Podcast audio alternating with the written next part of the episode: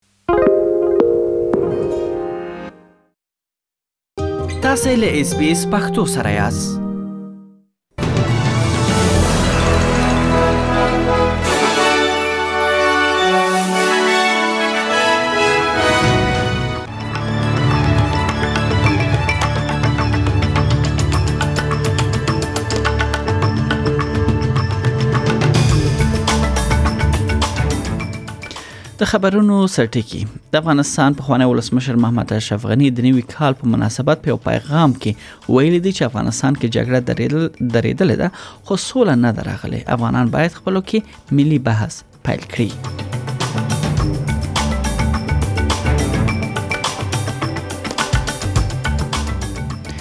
د چین د ختیځ هوایي شرکت د مسافرو خپلوان ملګري او همکاران چې د کوانګ شي په غرونو کې دغه الوتکه لویدلې ده د هغوی خپلوان هلته ولاړ دي په هوایي ډګر کې او دا سوال کیږي چې شاوخوا یو سل دوه دېرش مسافر په دغه الوتکې حادثه کې وژل شوي دي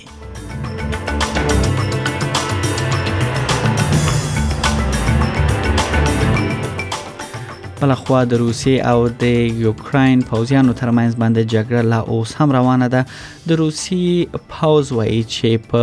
په کیف ښار کې هغه مارکیټ چې دوی په یا سوداګریز مرکز چې دوی په نخښه کړی دی په هغه کې ادعا کوي چې د راکټونو د ذخیره کولو لپاره دغه مرکز څخه کار اخیستل کېده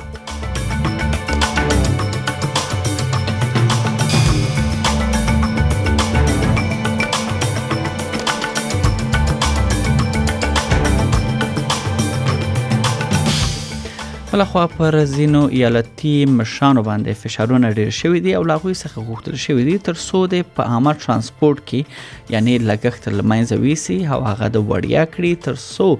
خلک ورځنی ژوند لګښت چې اوس لوړ شوی دی په هغې کې ورسره مرسته وکړي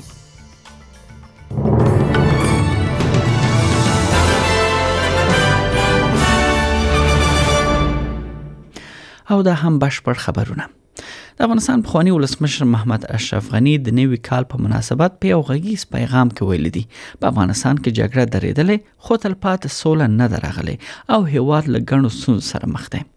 نو موري په دې وینا کې له اوسنیو سونزو دراوتلو لپاره د ملي بحث پیلولو وړاندیز هم کړی دی او د دې بحث لپاره د وټکو یو اجنډا هم اعلان کړې ده پخوانی ولسمشر د خپل وینا یو برخه کې ویلي دي چې که افغانان د پخوانیو سلويختو کلونو غلط تصامیم او تګلارې تکرار کړي نو یوشتمه پیړۍ کې به د بشري مرستو مسامره او د پرتویو د جګړې ډګر وګرځي خو نوموړي بدیل لارې ته هم اشاره کړې ده او ویلي دي چې افغانان کولای شي چې په ملي وحدت او اقتصادي خوځښت سره ملي او سیمایي مشهوریت ترلاسه کولای شي د بي سي پښتو وې پاڼه لمخه بلخوا د چین د ختیځ هوایی شرکت د مسافرو خپلوان ملګری او هم همکاران چې د ګوانګشي په غرونو کې د غلوتکه لویدل ده د کوانګجو په هوایی ډګر کې دوی راغون شوې دي د ام یو 5737 په لوتکه کې یو سل دیرویش مسافر ول او د عملی نه غړي هم پکې ګډون درلود چې ټول ټال یو سل دوه دیش کسان په دغه لوتکه کې سپارول خو ځای رسنۍ وایي چې د ژوندۍ پاتې کېدو نخې نخانې نشته دي دغه الوتکه د یون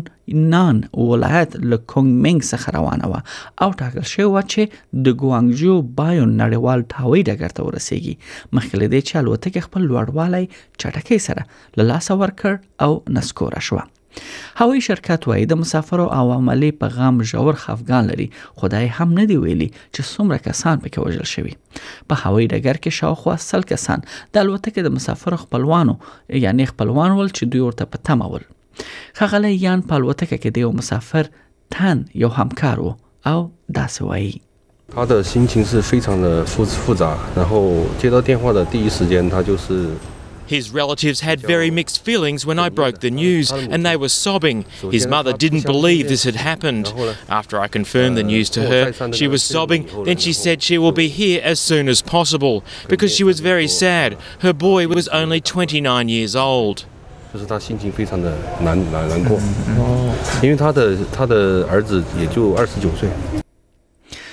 په اوکراین کې د روسیې او هم د اوکراین پوځیانو ترمنځ بیلابیلو ښارونو کې جګړې زور اخیسته دی او هم د روسیې لخوانه په ډیرو ښارونو باندې بمباري او هم راکټي بریدونه روان دي د روسیې پوځ وایي په کیف کې یو سوداګریز مرکز پنهخه کړی دی ځکه چې ادعا کیږي د راکټونو د ذخیره کولو لپاره ترې کار اخیستل کېده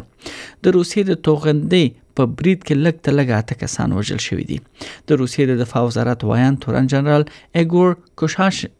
کوشانګنوف ویل دي اوکرایني ځواکونو له دغه مرکز څخه د سو راکټ لانچرونو د بارولو او د روسي پوځیانو باندې برید لپاره د راکټونو د ذخیره کولو لپاره لامدغه مرکز څخه کار اخیسته Live monitoring footage clearly shows a Ukrainian multiple rocket launcher driving into a shopping centre on the outskirts of Kiev for cover after another salvo and for reloading of missiles. On the night of March 21, a battery of Ukrainian multiple rocket launchers and a storage base for their munition in an idle shopping centre were destroyed by high precision long range weapons. د استرالیا لومړي وزیر سکاټ مورسن ویلي دی چې په فدرالي بودیجه کې د سیاحت په برخه کې د شپېتو میلیونو ډالرو پانګونه به د لره شمالي کوینزلند ته د دندو بیرته راوستلو کې یعنی که چیرې دا ځانګړي شي نو هغه سره به مرسته وکړي په بسا کې د دوه کلونو لپاره د ټوریزم استرالیا ادارې لپاره پنځه څلوېښت میلیونه ډالر شامل دي تر څو هغو سیمه ییزو ځایونو باندې تمرکز وکړي چې د نړیوالو سیلانیانو د نشوالي له امله اغیزمن شوي دي اضافي 50 میلیون ډالر به په ځانګړي ډول شمالي کوینزلند ته ورکړ شي چې سیلانیان د ګریټ بیرر ریف لیدو لپاره ورشي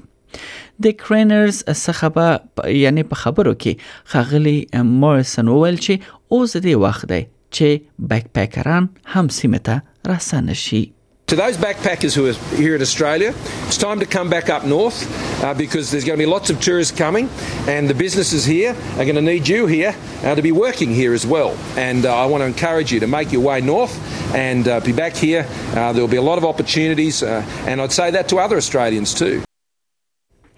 د انرژۍ فدرالي وزیر انګس ټیلر وایي حکومت به د غاز زیربنا او پروژو ګړندي کولو لپاره دوی خپل هڅه وکړي او استرالیا ته د انرژۍ د احتمالي کمخ څخه یعنی ساتلو برخه کې به خپل ګامونه چټک کړي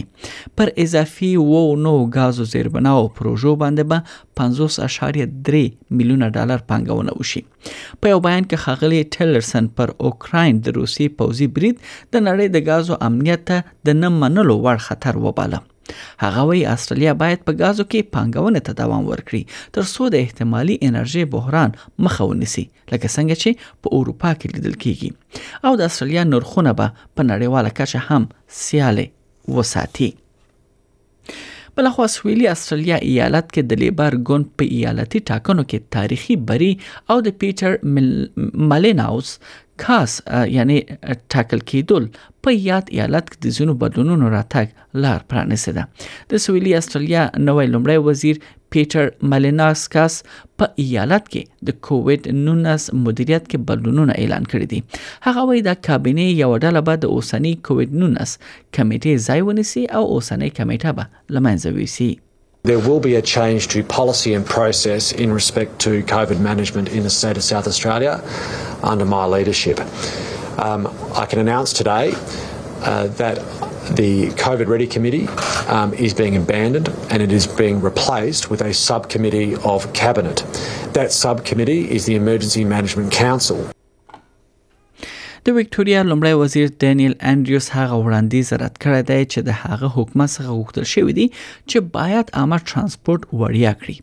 تر څو د وکټوريا خلکو سره د ژوند اقتصادي فشارونو کمولو کې مرسته وکړي د تازمانیا حکومت نن د محدود وخت لپاره وړیا بس سفر اعلان کړ خو خغله انډریوس وایي چې د هغه حکومت د دې پر ځای د عامه ترانسپورت په خکولو تمرکز کوي او بل دا چې له خلکو سره د سولر پینلونو په نصبولو کې د مرستې ته هم د خپل اشاره وکړه تر څو له هغې لارې د خلکو سره د ژوند د مخ په زیاتیدونکو لګښت سره هم مقابله کې دوی مرسته وکړي دا مهال د نړۍ ډیرو هیوادونو په ګډون استرالیا کې د تیلو او غازو لوړې بیې او هم خوراکي توکو قیمت لوړوالی ډیر اندېښنې را برسېره کړې دي خغلی انډریوس وایي د پټرولو بیو لوړوالی د فدرالي حکومت کار دی چې باید کنټرول یې کړي هغه وایي چې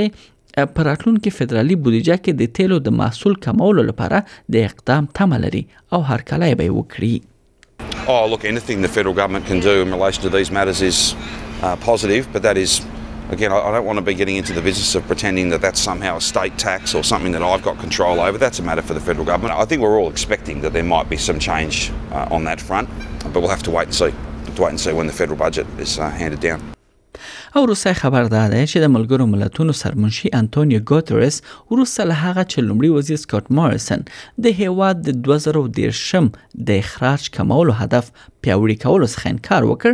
استرالیا یو داسې هیواد معرفي کړی دی چې د نړیوال هدف ترلاسه کولو څخه په شا کیږي او پر خپل دریز کلک ولاړ هیواد دی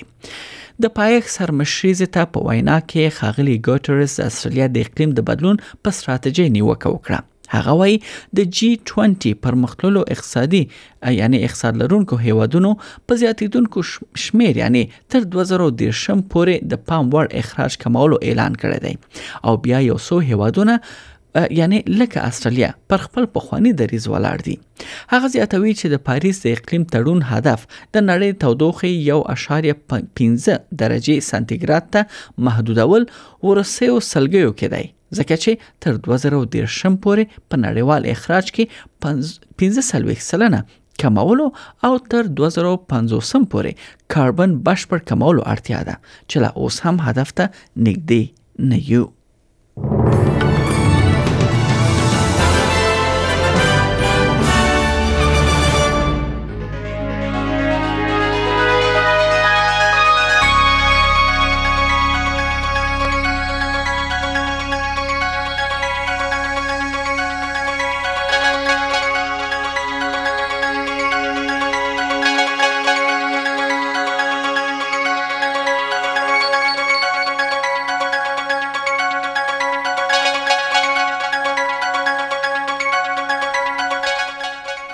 د همد اصلي ډالرو پر وړاندې د ځینو بهرنۍ اسعارو بیه په نړیوالو مارکیټونو کې یو اصلي ډالر 0.3 امریکایي سنت 0.8 یورو سنت یو اصلي ډالر 15 افغاني روپی یو سلو 3.8 پاکستاني روپی یو اصلي ډالر